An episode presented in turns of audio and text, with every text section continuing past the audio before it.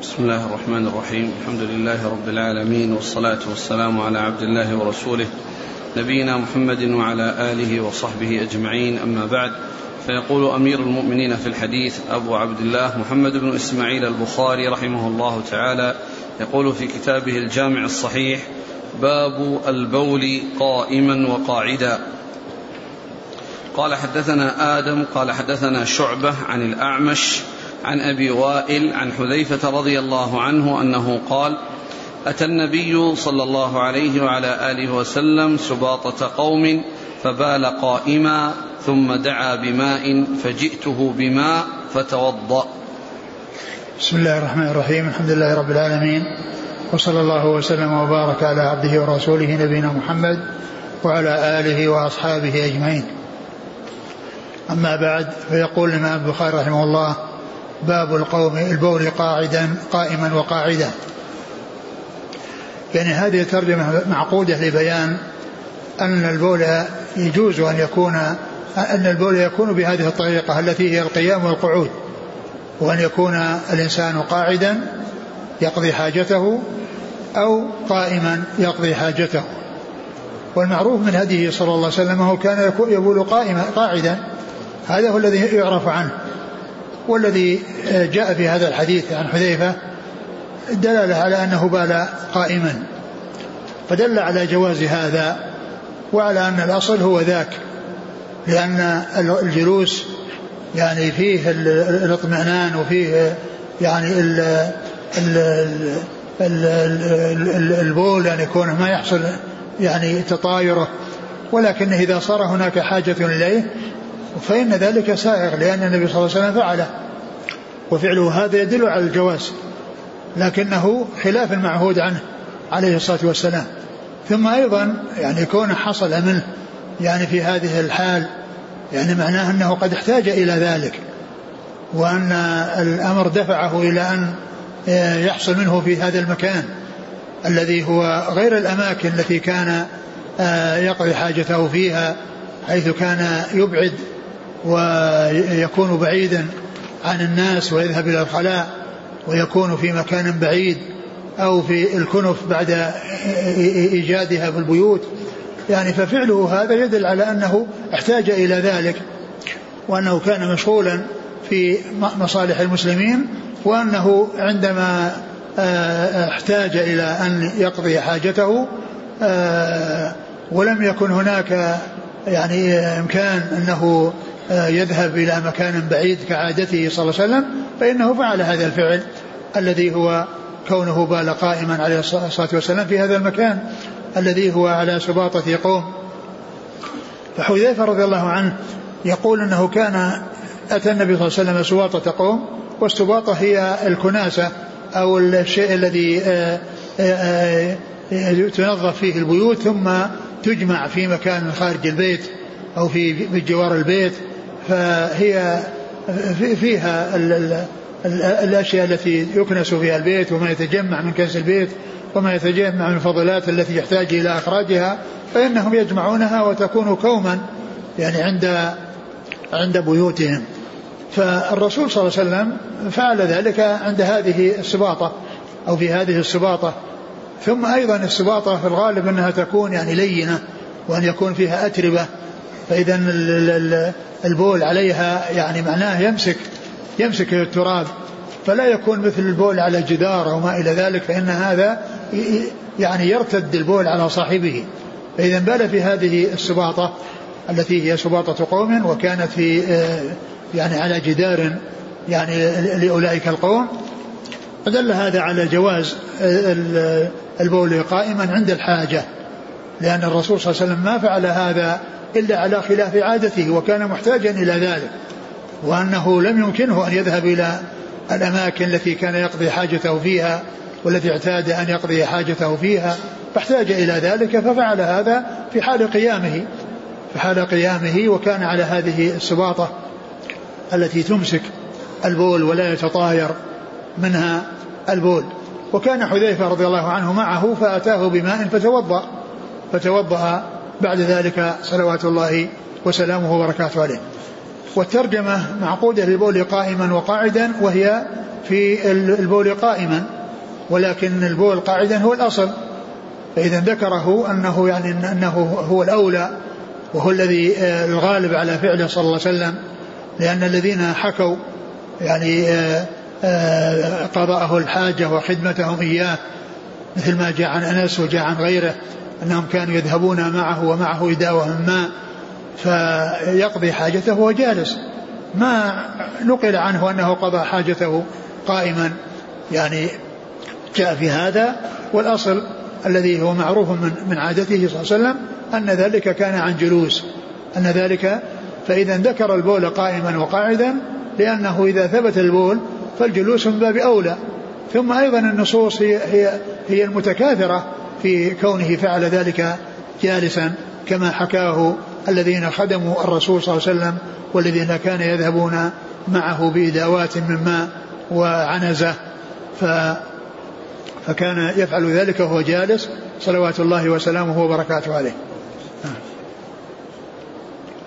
قال حدثنا آدم ابن أبي إياس عن شعبة ابن الحجاج عن الأعمش سليمان بن مهران عن أبي وائل هو عبد هو شقيق بن سلمة. عن حذيفة. حذيفة بن اليمان رضي الله عنهما. قال رحمه الله تعالى باب البول عند عند صاحبه والتستر بالحائط. قال حدثنا عثمان بن أبي شيبة قال حدثنا جرير عن منصور عن أبي وائل عن حذيفة رضي الله عنه أنه قال رأيتني أنا والنبي صلى الله عليه وسلم نتماشى فأتى سباطة قوم خلف حائط فقام كما يقوم أحدكم فبال فانتبذت منه فأشار إلي فجئته فقمت عند عقبه حتى فرغ. ثم قال ثم عقد أتى بالحديث وعقد ترجمة أخرى فقال باب البول عند صاحبه والتستر بالحائط. باب البول عند صاحبه يعني صاحب الإنسان البائل. يعني البول عند صاحبه يعني الإنسان يبول عند صاحبه. يعني صاحب الإنسان الذي يكون معه يعني بحيث يستره ويحتاج إلى أن يستره. وكان يعني يتستر بالحائط يعني أنه يستقبل الحائط الذي فيه يعني في بجواره السباطة التي يقع عليها البول. فهو يعني من جهة الأمام متجه إلى الحائط والسباطة بينه وبين الحائط ومن جهة الخلف آه، صاحبه الذي هو حذيفة رضي الله عنه كان يستره لأنه لما آه، رأى النبي صلى الله عليه وسلم يقضي حاجته أو أراد أن يقضي حاجته انتبذ يعني أراد أن يبتعد عنه فالرسول أشار إليه حتى جاء عند عقبه فوقف بجواره يستره يستره من الجهة المكشوفة. أما من جهة الأمام التي هو متجه إليها عليه الصلاة والسلام فهو الحائط الذي بينه وبينه الكناسة التي هي على الحائط. ف فال يعني هذا فيه معناها أن الإنسان أنه يستتر بصاحبه عند الحاجة إلى ذلك. لأن الرسول صلى الله عليه وسلم طلب منه أن يأتي حتى كان عند عقبه. يعني ومعلوم أنه كان قد ولاه ظهره. لا يعني ذلك أنه كان مستقبله وإنما كان موليه ظهره يعني حتى يعني يستره عن الناس ولا يكون يعني آآ آآ يعني مستقبله بحيث يعني يمكن أن أن أن يرى أو يطلع على شيء مما يعني يخرج منه صلى الله عليه وسلم. ولكنه المقصود هو الستر والاستتار حصل حصل بذلك. وباب الاستتار باب يقول يعني عند صاحبه, صاحبه. والتستر بالحائط. والتستر بالحائط. يعني أن الإنسان يعني عندما يبول يعني يكون بينه وبين جهة الأمام سترة بحيث يعني من يعني من يأتي أمامه يعني يكون بينه بينه وبينه سترة. لأنه ستر بحائط والحائط هو الذي ستره من جهة الأمام والإنسان عندما يقضي حاجته يعني يتجه إلى مكان يستر. يعني يكون حتى يعني لا يراه أحد. نعم. رأيتني أنا والنبي صلى الله عليه وسلم نتماشى فأتى سباطة قوم خلف حائط فقام كما يقوم أحدكم فبال. نعم. فانتبذت منه فأشار إلي فجئته فقمت عند عقبه حتى فرغ. نعم نعم. قال حدثنا عثمان بن أبي شيبة نعم. عن جرير بن عبد الحميد عن منصور ابن المعتمر عن أبي وائل نعم. عن حذيفة نعم.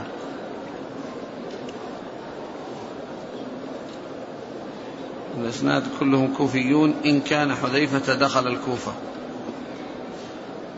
نعم.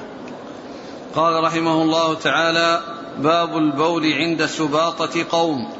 قال حدثنا محمد بن عرعرة قال حدثنا شعبة عن منصور عن أبي وائل قال كان أبو موسى الأشعري رضي الله عنه يشدد في البول ويقول إن بني إسرائيل كان إذا أصاب ثوب أحدهم قرضه فقال حذيفة رضي الله عنه ليته أمسك أتى رسول الله صلى الله عليه وسلم سباطة قوم فبال قائما. ثم ذكر هذه الترجمة وهي باب البول عند سباطة قوم. قوم. باب البول عند سباطة قوم. يعني هذا هذه الترجمة معقودة لبيان أن مثل هذه الأماكن التي يعني آآ آآ التي هي عند عند عند الأثنية وعند البنيان وأن أن أن أن, أن أنه لا يمتنع يعني الاستفادة منها وحصول يعني قضاء الحاجة يعني عندها عند الحاجة وأن يعني ذلك لا بأس به.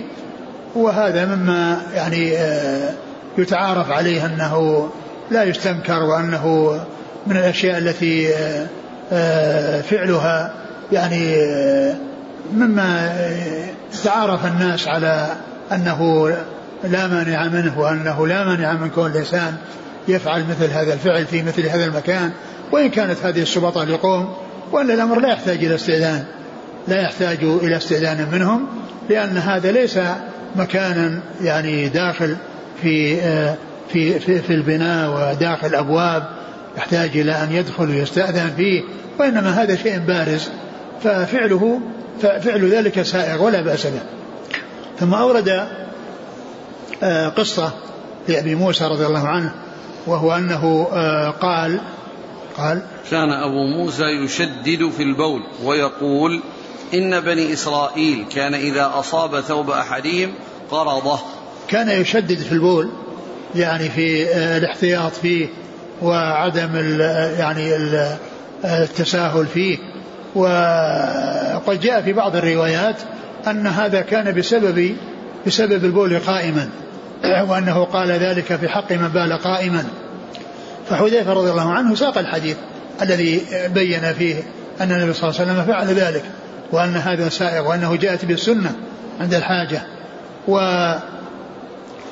وأبو موسى قال إن بني إسرائيل حصل عندهم من من من من, من, التشديد يعني في في أحكامهم ما لم يحصل لهذه الأمة وأن الواحد منهم إذا أصاب ثوبه نجاسة نجاسة فإنه يقرضها بالمقراض ويقصها بالمقص. يعني لا تحتاج إلى غسل.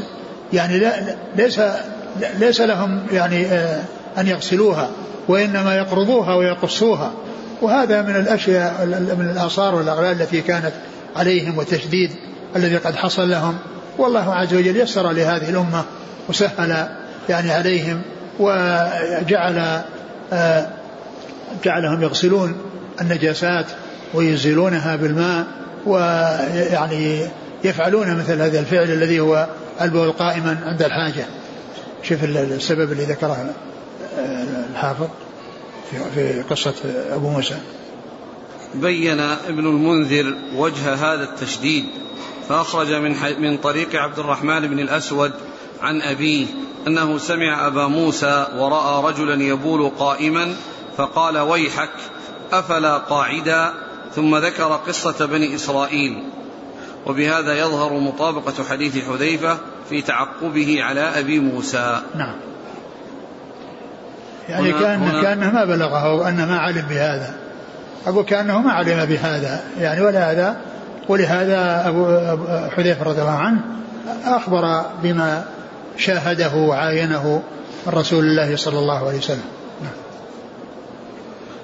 هنا أحسن الله إليك. قال كان إذا أصاب ثوب أحدهم قرضه. وقع في مسلم جلد أحدهم. لعل المقصود من ذلك أنها يعني الجلود التي كانوا يلبسونها كانوا يعني يلبسون الجلود. يعني فيكون مقصود الجلد يعني الذي وليس المقصود جلد جسده يعني يقص, يقص جسده وإنما يقص الجلد فهو مثل الثوب. لأنهم كانوا يلبسون الجلود. نعم. وهذا يعني موجود يعني الآن يعني يلبسون يعني في الجلود هذه الفرا الفري التي يعني يستعملونها في الشتاء والتي هي من جلد وعليها صوف. نعم. قال حدثنا محمد بن عرعرة نعم. عن شعبة عن منصور عن أبي وائل عن حذيفة. نعم. يقول الأخ هل نستطيع بأن نقول بأن البول قائما لا يجوز إلا لحاجة خاصة أن أصبح هذا الفعل من مما هو مشهور عن الكفار في هذا الزمان؟ ولا شك أن عند الجلوس عن عن عن عن, عن, عن قعود البول عن قعود هذا هو الأصل. وإذا احتاج الإنسان إلى ذلك فإنه آه، جاءت به السنة عن رسول الله صلى الله عليه وسلم. لكن عندما يكون هناك يعني أمر يقتضيه فإن الأصل هو الجلوس.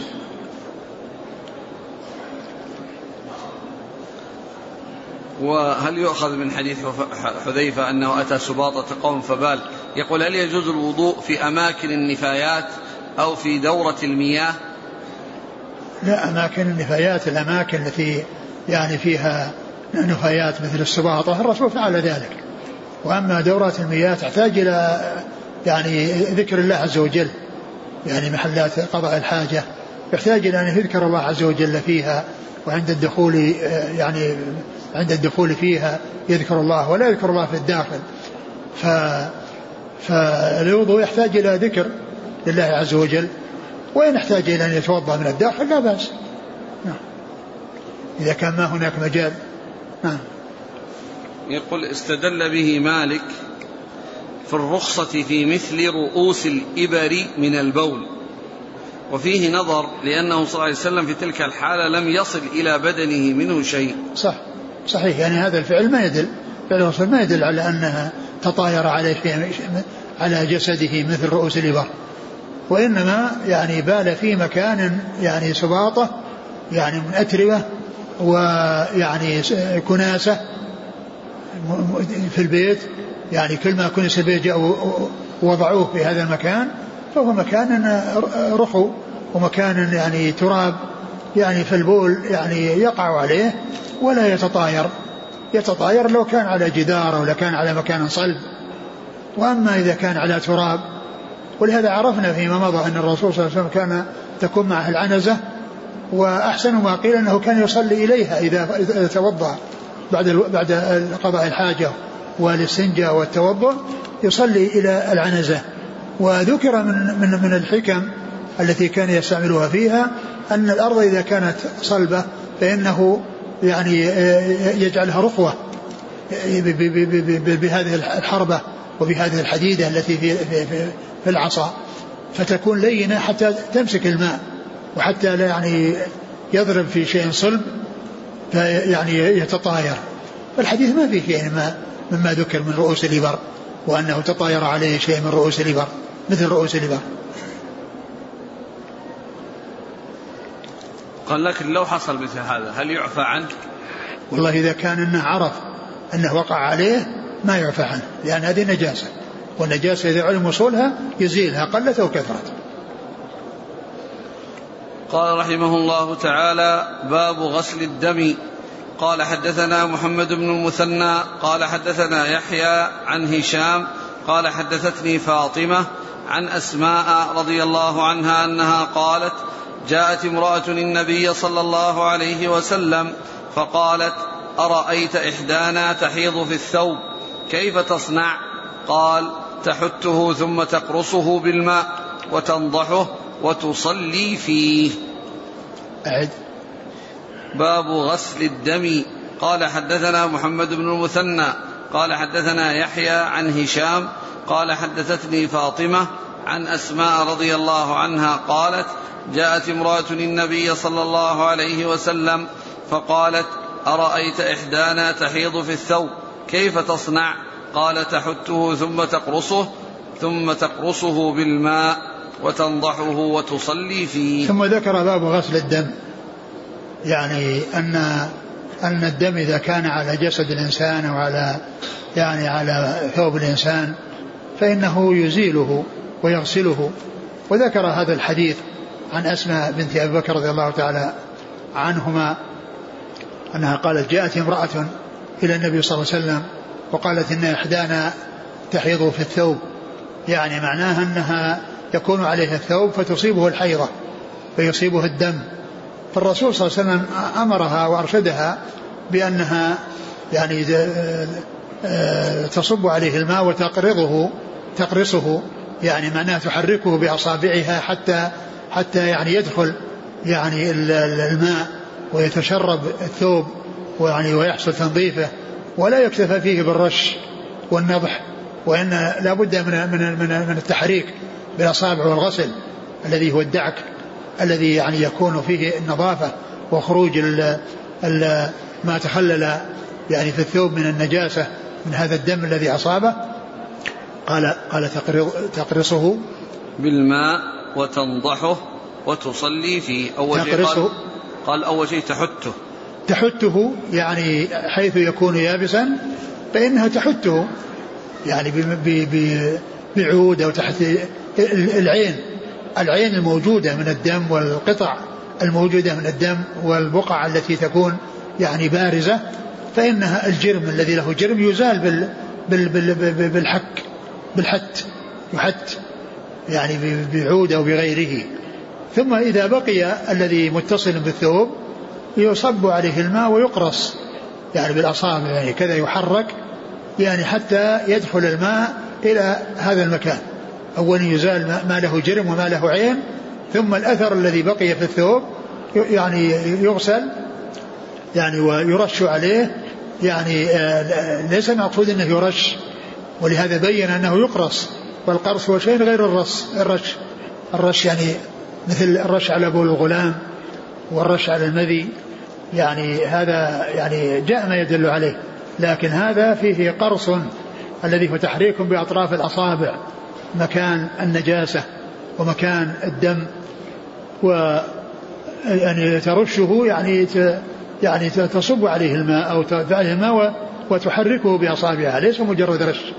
نعم قال قالت أرأيت إحدانا تحيض في الثوب؟ تحيض في الثوب يعني أنها تكون عليها ثوب وهي حائض فيعلق به فتعلق به النجاسة.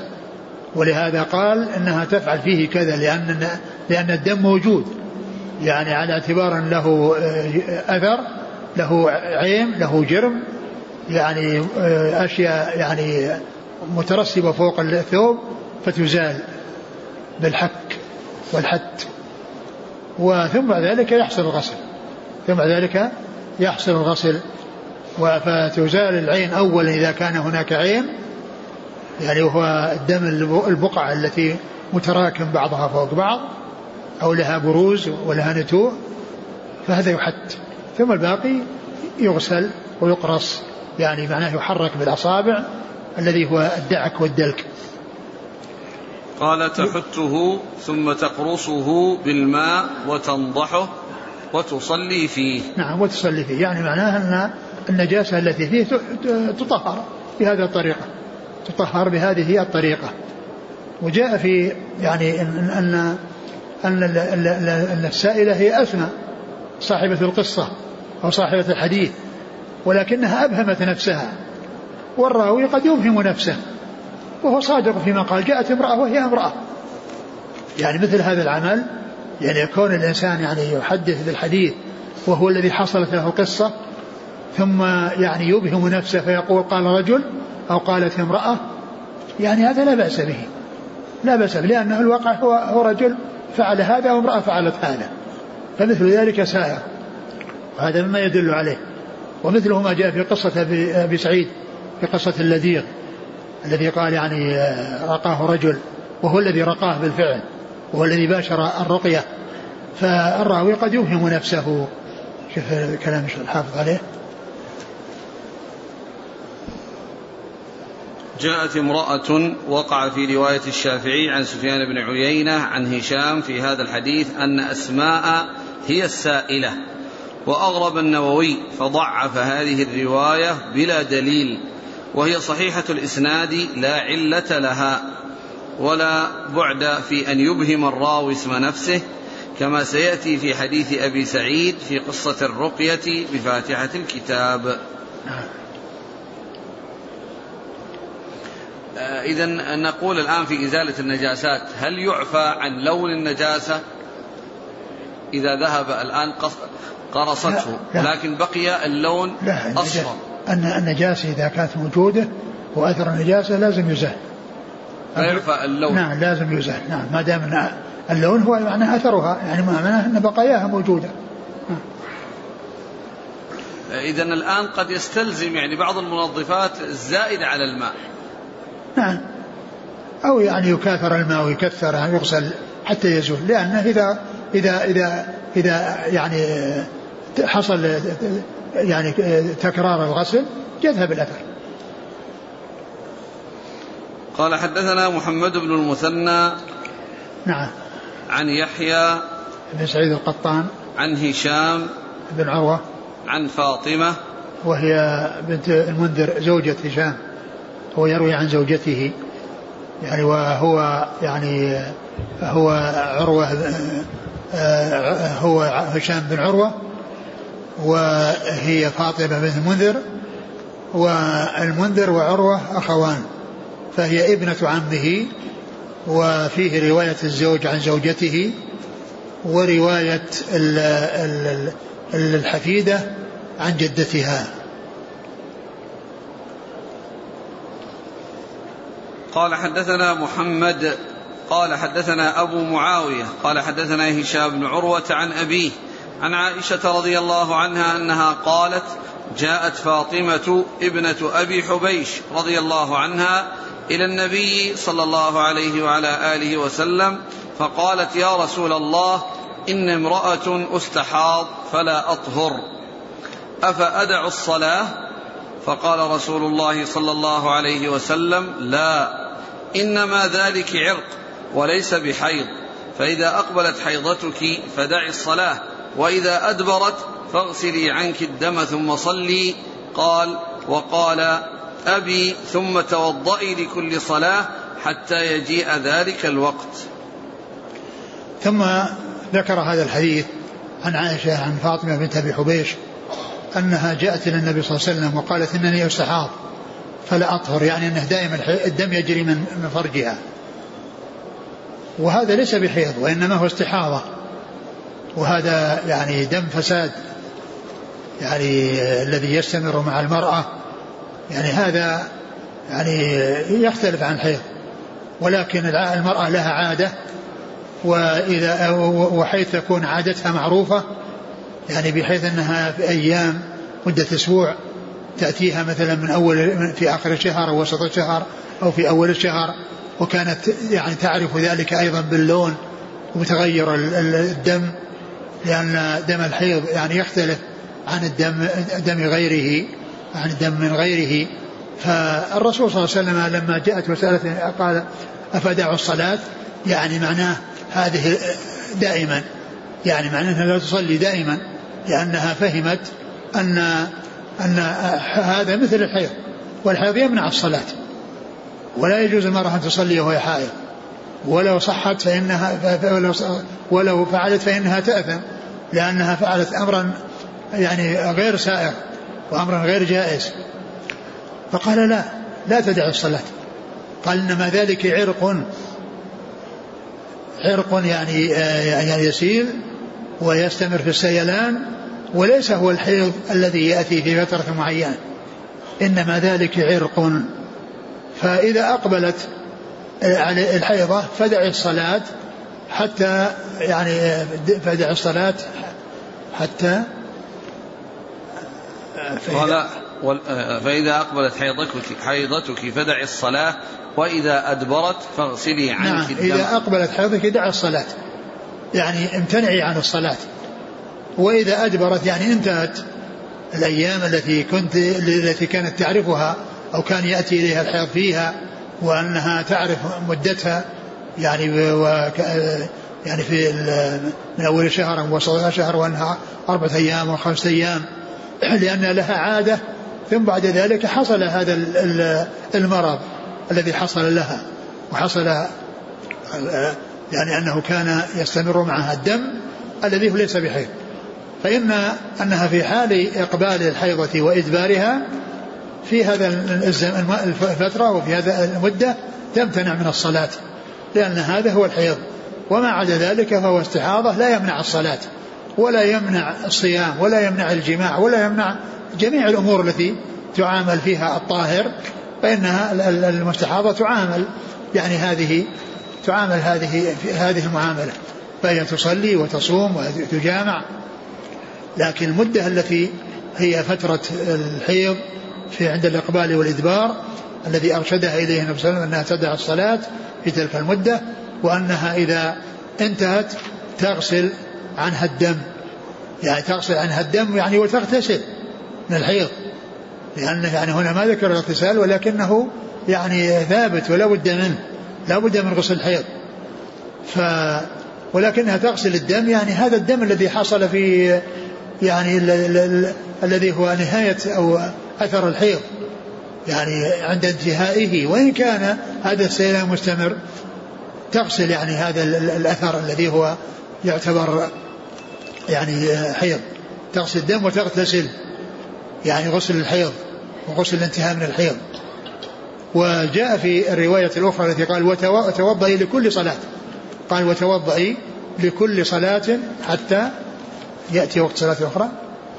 وقال أبي ثم توضئي لكل صلاة حتى يجيء ذلك الوقت. نعم. يعني معناها أن مثل الذي معه حدث دائم يتوضأ لكل صلاة إذا دخل الوقت. يعني إذا دخل الوقت يتوضأ لكل يتوضأ لكل صلاة لأن معه حدث دائم. لأن هذه معها حدث دائم والذي معه بول سلس البول دائم والذي معه ريح دائم هذا قال حدث دائم فإنه يتوضأ لكل صلاة. يتوضأ يعني عند دخول الوقت. نعم. وقال أبي عروة عروة بن الزبير. ثم توضأ لكل صلاة. يعني هذه إدراج؟ لا ما إدراج هذا حديث الرسول رواية أخرى. إيه لأنه من كلام الرسول توضئي هذا خطاب الرسول. الذي قال اتركي ودعي وافعلي هو الذي قال توضئي لو كان أنه مدرج وأنه من كلام هذا لقال وتتوضأ لكل صلاة. وتتوضأ لكل صلاة. هذا الذي يمكن أن يكون مدرج. أما كونه فيه وتوضئي هذا كلام الرسول. الذي قال عنها لها آه، آه، اغسلي وقال آه، اتركي وقال دعي يعني هو الذي قال توضئي. قال حدثنا محمد هو بن سلام. عن أبي معاوية ومحمد بن خازم. عن هشام بن عروة. نعم. عن أبيه عن عائشة. نعم. قال رحمه الله تعالى باب غسل المني وفركه وغسل ما يصيب من المرأة. قال حدثنا عبدان قال أخبرنا عبد الله قال أخبرنا عمرو بن ميمون الجزري عن سليمان بن يسار عن عائشة رضي الله عنها أنها قالت كنت أغسل الجنابة من ثوب النبي صلى الله عليه وسلم فيخرج إلى الصلاة وإن بقع الماء في ثوبه. ثم ذكر باب باب غسل المني. وفركه. باب غسل المني وفركه. وغسل ما يصيب من المرأة. باب غسل المني وفركه وما يصيب من المرأة. آه المني اختلف في طهارته ونجاسته والأصح أنه طاهر وليس بنجس ولكنه يغسل من أجل إزالة الأشياء التي يعني منظرها يستقدر مثل ما يعني المخاط والبساط الذي يكون على ثوب إنسان وهكذا فإنه يغسل ويزال يعني هذا الأثر لا لأنه نجس ولكن لأن لأن يعني منظره يعني يعني يستقدر. ويعني ولا يعني يناسب أن يكون على يعني يكون يعني على على ثوب الإنسان عند الناس فإنه يزيله للنظافة لا لأنه نجس. والدم هو والمني هو من هذا القبيل. والمني هو من هذا القبيل. وذكر هنا يعني فركة وليس في الحديث ذكر الفرك وإنما فيه ذكر الغسل. ولكن هذا الغسل لا يعني أنه للنجاسة وإنما للتنظيف لأنه جاء ما يدل في بعض الأحاديث على أنها كانت تفركه يعني إذا كان يابسا تفركه وتحته من ثوبه صلى الله عليه وسلم ويظهر ويصلي فيه دون غسل. وأحيانا يكون رطبا ولكنها تسلته تسلته بشيء ثم يذهب ويصلي فيه. فإذا ذكر الغسل هذا لا يعني أن أنه نجس وأنه يجب غسله لأنه جاء ما يدل على الاكتفاء بالفرك والحك أو الحت حيث يكون يابسا وسلته حيث يكون حيث يكون رطبا. والغسل ليس لنجاسته وإنما هو للنظافة وإزالة الأثر. قالت كنت أغسل الجنابة يعني أثر الجنابة. يعني أثر الجنابة. لأن أثر الجنابة الذي هو المني الذي جاء نتيجة للجماع ونتيجة للجنابة التي حصل حصل الجناب بها فقوله أغسل الجنابة يعني أثر الجنابة أثر الجنابة الذي هو المني. كنت أغسل أثر الجنابة؟ كنت أغسل الجنابة من ثوب النبي صلى الله عليه وسلم. أغسل الجنابة يعني أثر الجنابة. تغسل الجنابة أي أثر الجنابة الذي هو المني الذي هو نتيجة الجنابة. نعم. فيخرج إلى الصلاة وإن بقع الماء في ثوبه. وإن بقع الماء في ثوبه يعني معناه البقع الماء التي حصل فيها الغسل. بقع الماء يعني آه، في في ثوبه. يعني يعني أنها شيء حصل غسله وتنظيفه ولم يكن يعني ذلك في وقت مبكر. بل كان عند الصلاة وعند الذهاب إلى الصلاة فإنه يزيل هذا الأثر أو يزال هذا الأثر بالغسل ويرى الأثر في هذه الرطوبة التي في ثوبه وهي أثر الغسل آه، أو التنظيف لهذا المني. نعم. التبويب قال باب غسل المني وفركه. نعم وفركه. يعني فرك المني يعني حيث يكون يابس. لأنه جاء في بعض الأحاديث يعني ذكرها المصنف يعني في يعني في ذكرها الشارح يعني فركه وسلته. شوف الكلام اللي ذكره الحديثين اللي ذكرهما في الفرك والسلت.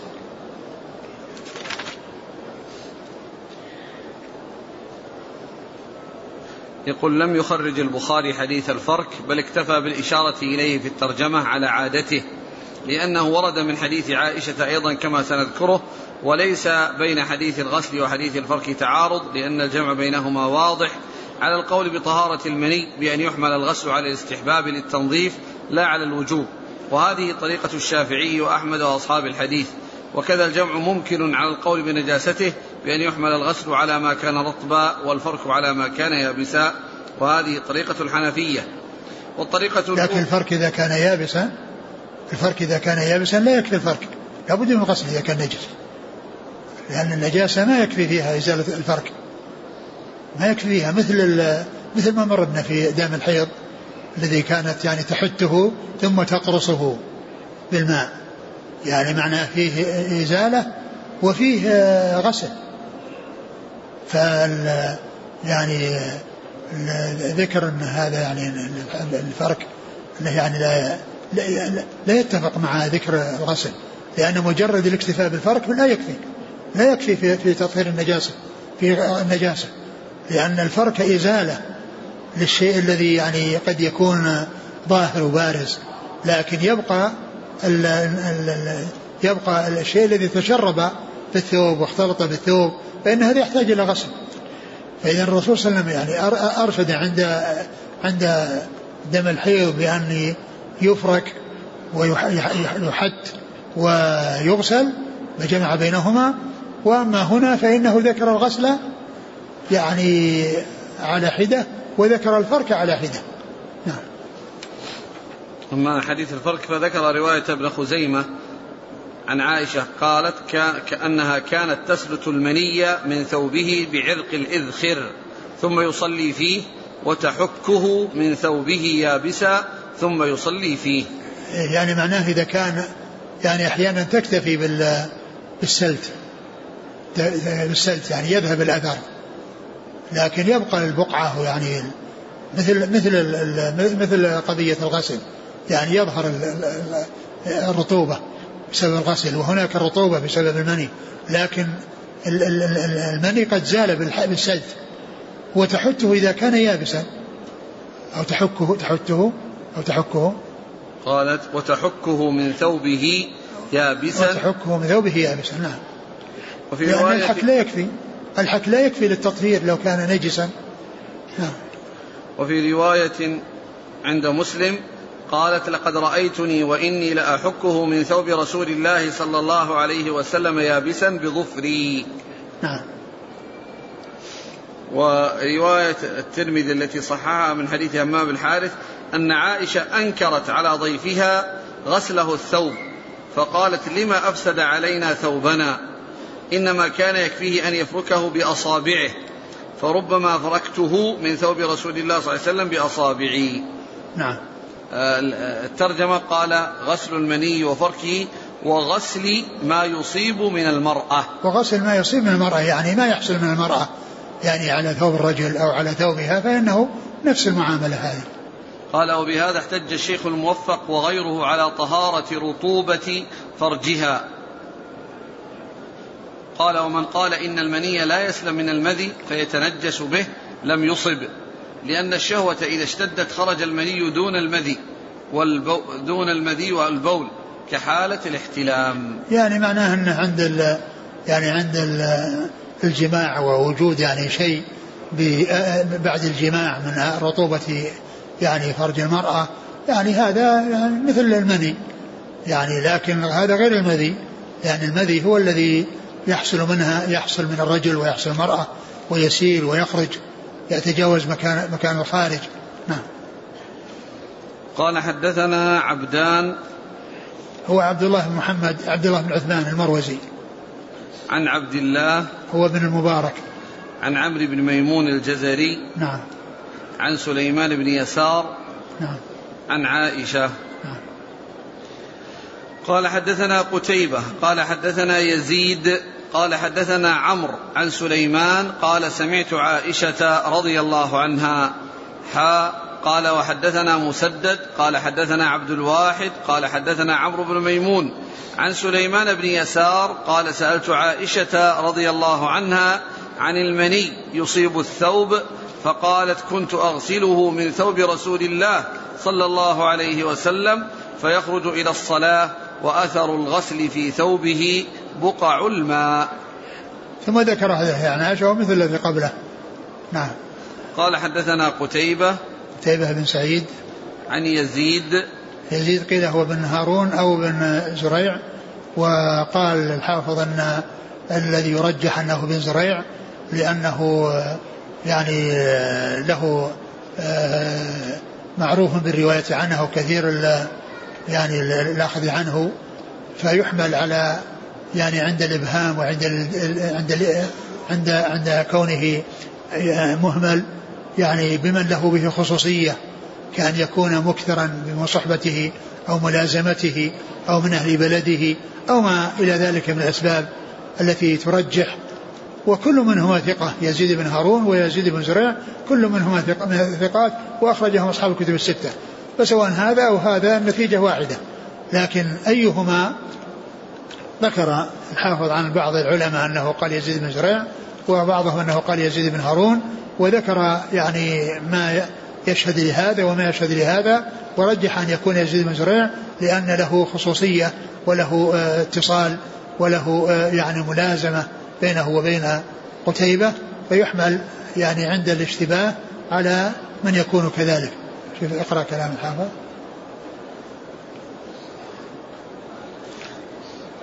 قال أبو مسعود الدمشقي كذا هو غير منسوب في رواية الفربري وحماد بن شاكر ويقال إنه ابن هارون وليس بابن زريع وجميعا قد رويا يعني عن عبد بن ميمون ووقع في رواية ابن السكن أحد الرواة عن الفربري قال حدثنا يزيد يعني ابن زريع. وكذا أشار إليه كلابادي ورجح القطب الحليمي في شرحه أنه ابن هارون. قال لأنه وجد من روايته ولم يوجد من رواية ابن زريع. قلت ولا يلزم من عدم الوجدان عدم الوقوع. كيف؟ وقد جزم أبو مسعود بأنه رواه فدل على وجدانه. والمثبت مقدم على النافي. وقد خرجه الإسماعيلي وغيره من حديث يزيد من حديث يزيد بن هارون بلفظ مخالف للسياق الذي أورده البخاري. وهذا من مرجحات كونه ابن زريع. وأيضا فقتيبة معروف بالرواية عن يزيد بن زريع دون ابن هارون قاله المزي.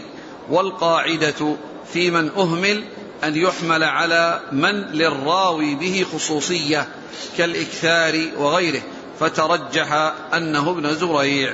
نعم. عن عمرو عن عمرو عن سليمان عن عائشة.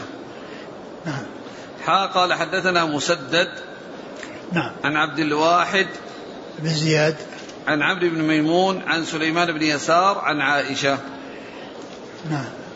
قال رحمه الله. الإسناد الأول حدثنا. حدثنا. قتيبة. آه. لا الأول الإسناد الأول. عبدان. آه. عن عبد الله بن مبارك. آه. عن عمرو بن ميمون. عن سليمان بن يسار. عن عائشة. الثاني قتيبة. عن يزيد. عن عمرو. عن سليمان. عن عائشة. ما أدري إيش يعني التحويل يعني كان يناسب أن يكون عند عند عمرو أو الثقة لأنه ملتقى الإسنادين لكنه يعني جعله إلى الآخر. جعله إلى الآخر. لكن هناك في الأول سليمان بن يسار عن عائشة. عن عائشة؟ أي. آه. سليمان قال سمعت عائشة. أي نعم. يعني هذا عشان تصريح. هذا في تصريح بالسماع نعم. في الثالث سألت عائشة. عائشة نعم. قال رحمه الله تعالى باب إذا غسل الجنابة أو غيرها فلم يذهب أثره. قال حدثنا موسى قال حدثنا عبد الواحد قال حدثنا عمرو بن ميمون قال سألت سليمان بن يسار في الثوب تصيبه الجنابة قال قالت عائشة رضي الله عنها كنت أغسله من ثوب رسول الله صلى الله عليه وعلى آله وسلم ثم يخرج إلى الصلاة وأثر الغسل فيه بقع الماء. باب إذا غسل الجنابة أو غيرها فلم يذهب أثره.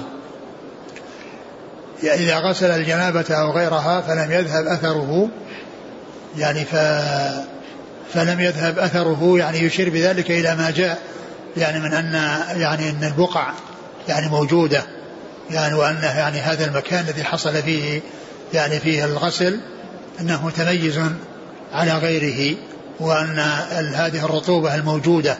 يعني بسبب الغسل يعني متميزة يعني على غيرها. ف ومعلوم أن هذا يعني في شيء طاهر أن هذا في شيء طاهر وأن الغسل إنما هو للتنظيف وليس لإزالة النجاسة. لكن قوله إذا غسل الجنابة أو غيرها. الجنابة علمنا أنها طاهرة. أو غيرها أو غيرها مما يكون مثلها حكمه. حكمها وأما إذا كان يعني يختلف يعني عنها فإنه لا بد من يعني من ذهاب آه، ذهاب الأثر. قال حدثنا موسى. لأن مثل الجنابة يعني المني مثله البخار البصار والمخاط يعني هو من هذا القبيل. نعم. حدثنا موسى. موسى. حد قال حدثنا موسى. موسى هو بن إسماعيل التبوذكي وهو مشهور بكنية أبو سلمة كما أن محمد المثنى مشهور بكنية أبو موسى. ولهذا يأتي أحيانا يعني في ذكر الشيوخ والتلاميذ يقال أبو موسى وأبو موسى وأبو سلمة. فإذا جاء في طبقة شيوخ البخاري أو شيوخ يعني أصحاب الكتب الستة يعني أبو موسى يعني فالمقصود به آه يعني أبو محمد أبو أبو سلمة هو موسى هذا. وأبو وأبو موسى هو محمد المثنى يعني أحيانا يأتي في تهذيب التهذيب وقال وأبو موسى. يعني بدل محمد المثنى وكذلك أبو سلمة بدل موسى بن إسماعيل. ثم إن هذا الذي هو أبو موسى بن إسماعيل هذا جد بن أبي عاصم من أمه.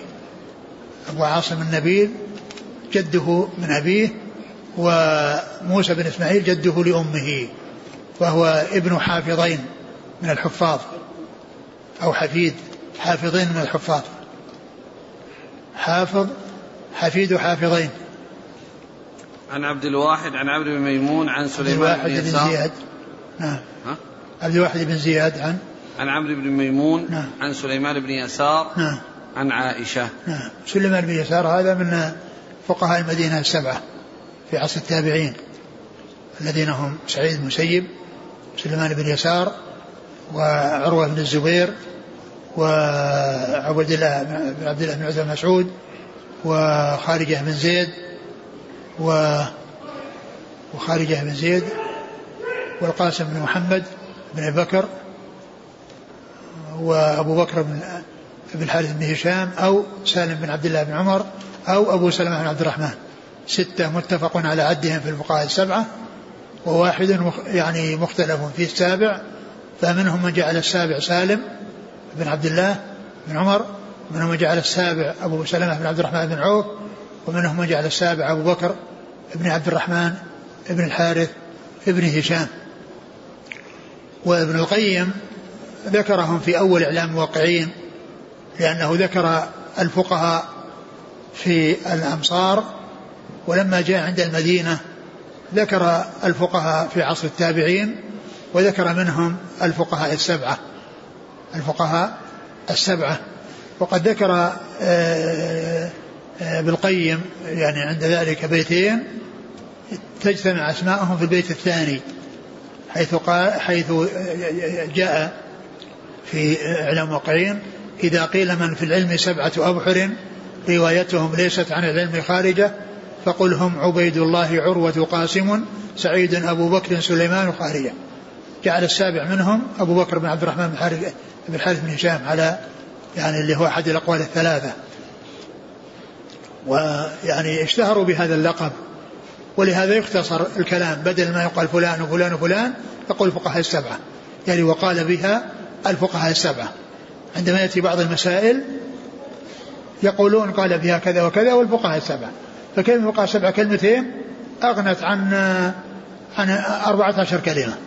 يعني يكون الواحد يذكر إذا ذكر اسمه واسم أبيه سيكون 14 كلمة هم سبعة. يعني هذا إذا إذا ما زيد على على على أبيه. لكن إذا قيل الفقهاء السبعة كلمتان أغنت عن هذا كله. ولهذا يأتي في بعض المسائل مثل زكاة العروض عروض التجارة. يقول وقال بها الفقهاء السبعة فقهاء المدينة السبعة نعم. قال حدثنا عمرو بن خالد قال حدثنا زهير قال حدثنا عمرو بن ميمون بن مهران عن سليمان بن يسار عن عائشة رضي الله عنها أنها كانت تغسل المني من ثوب النبي صلى الله عليه وسلم ثم أراه فيه بقعة أو بقعا نعم. قال حدثنا عمرو بن خالد نعم. عن زهير بن معاوية. عن عمرو بن ميمون بن مهران عن سليمان بن يسار عن عائشة. نعم. انتهى الباب. نعم. والله أعلم وصلى الله وسلم وبارك على عبده ورسوله نبينا محمد وعلى آله وأصحابه أجمعين. جزاكم الله خيرا وبارك الله فيكم ألهمكم الله الصواب ووفقكم للحق ونفعنا الله بما سمعنا وغفر الله لنا ولكم وللمسلمين أجمعين. آمين, آمين. يقول أحسن الله إليكم في وقتنا هذا هناك عمال لتنظيف ونقل السباطات وقد يتأذون بوجود البول عليها فهل يكون الحكم واحد على ما كان على عهده صلى الله عليه وسلم؟ إيش؟ يقول الآن يوجد عمال للنظافة إيه؟ ينقلون هذه السباطات أيوة. فإذا وجدوا البول عليها قد يتأذون. وش ال فالآن يقول الحكم ما يختلف اللي سابقا السباطة يبال عليها تترك مثلا أما الآن يأتي من ينقلها من عمال. يعني يعني كل إنسان يبول عليها؟ اي كل إنسان يبول عليها؟ البول البول يعني كما هو معلوم للحاجة. والناس يعني يبولون في الأماكن المختلفة. ثم أيضا يعني البول يعني يعني هل يبول وهؤلاء يجون بعده مباشرة؟ لأن إذا كان قد بالوا يعني حصل البول يبي يذهب. يعني وإنما هذا يمكن انه يعرف التاذي لو كان يعني هم هو قضى حاجته وهؤلاء جاءوا بعده مباشرة. يعني الأمر في ذلك سهل. ما أدري كيف هذا السؤال. يقول هل يمكن أن يقال إن البول قائما مع عدم أمن رشاش البول حرام؟ والله ما ما نعلم. إذا لا يأمن. يقول أنا لا آمن. ممكن لا, لا, لا إذا كان إذا كان أنه يعني يغلب على الظن أنه يصيب شيء أي. لا يجوز. يقول هل جاء في السنة ما يدل على وضع السواك على الأذن؟ والله ما أعرف. أقول ما أعرف ليش وضع الأذن؟ هل يشترط بإزالة النجاسة أن يكون بالماء دون غيره؟ من المنظفات؟ نعم هذا هو الأصل. هذا هو الأصل أنه يكون بالماء. الغسل إنما هو بالماء لكن كونه يعني يضاف إليه شيء من المنظفات يعني هذا لا بأس به مثل مثل ما جاء في غسل الميت في سدر يضاف إليه سدر. ومثل ما يعني جاء في غسل الكلب غسل الكلب الغسل يعني يعني فيها فيها تراب في الأول. نعم. السائل يقول لي ولد توفي وعمره 25 عاما فهل يجوز لي أن أعتمر عنه؟ نعم يجوز. يجوز. يعتبر عن الميت. أقول يعتبر عن الميت. سؤاله الثاني يقول عندما أحرم وأكشف رأسي يؤلمني فماذا أفعل؟ هل نعم كمل. هل لي أن أحرم مع تغطية الرأس؟ وماذا علي؟ إذا كان يتضرر تتضرر فلك أن تغطيه وتعمل فدية. تعمل فدية وهذه الفدية مخير بها ثلاث أشياء. أنك تذبح شاة أو تطعم ستة مساكين لكل مسكين نصف صاع أو تصوم ثلاثة أيام. كما جاء في حديث كعب بن عجرة في قصة حلقه رأسه لأنه كان يؤذيه. فإذا احتجت وكان نزعك له يلحقك يلحق يلحقك به ضرر فلك أن تغطيه وتعمل فدية. في الحديث قال عن الدم يكفيك الماء ولا يضرك أثره. ألا يدل على العفو عن اللون؟ ما يدل. وين؟ يكفيك إيش؟ يكفيك؟ يكفيك الماء ولا يضرك أثره. ما ما يدل على على على اللون لأن اللون يعني معناه لون النجاسة موجود. فلا بد من إزالتها. ولكن الأثر المقصود يعني يعني الأثر الذي يعني كونه يرى يعني أثر غسل مثل ذاك الذي الذي مر أن يرى آه، غسل المني من ثوب الرسول صلى الله عليه وسلم فيصلي فيه. يقول ما حكم المني الذي يخرج بعد الاغتسال؟ إذا كان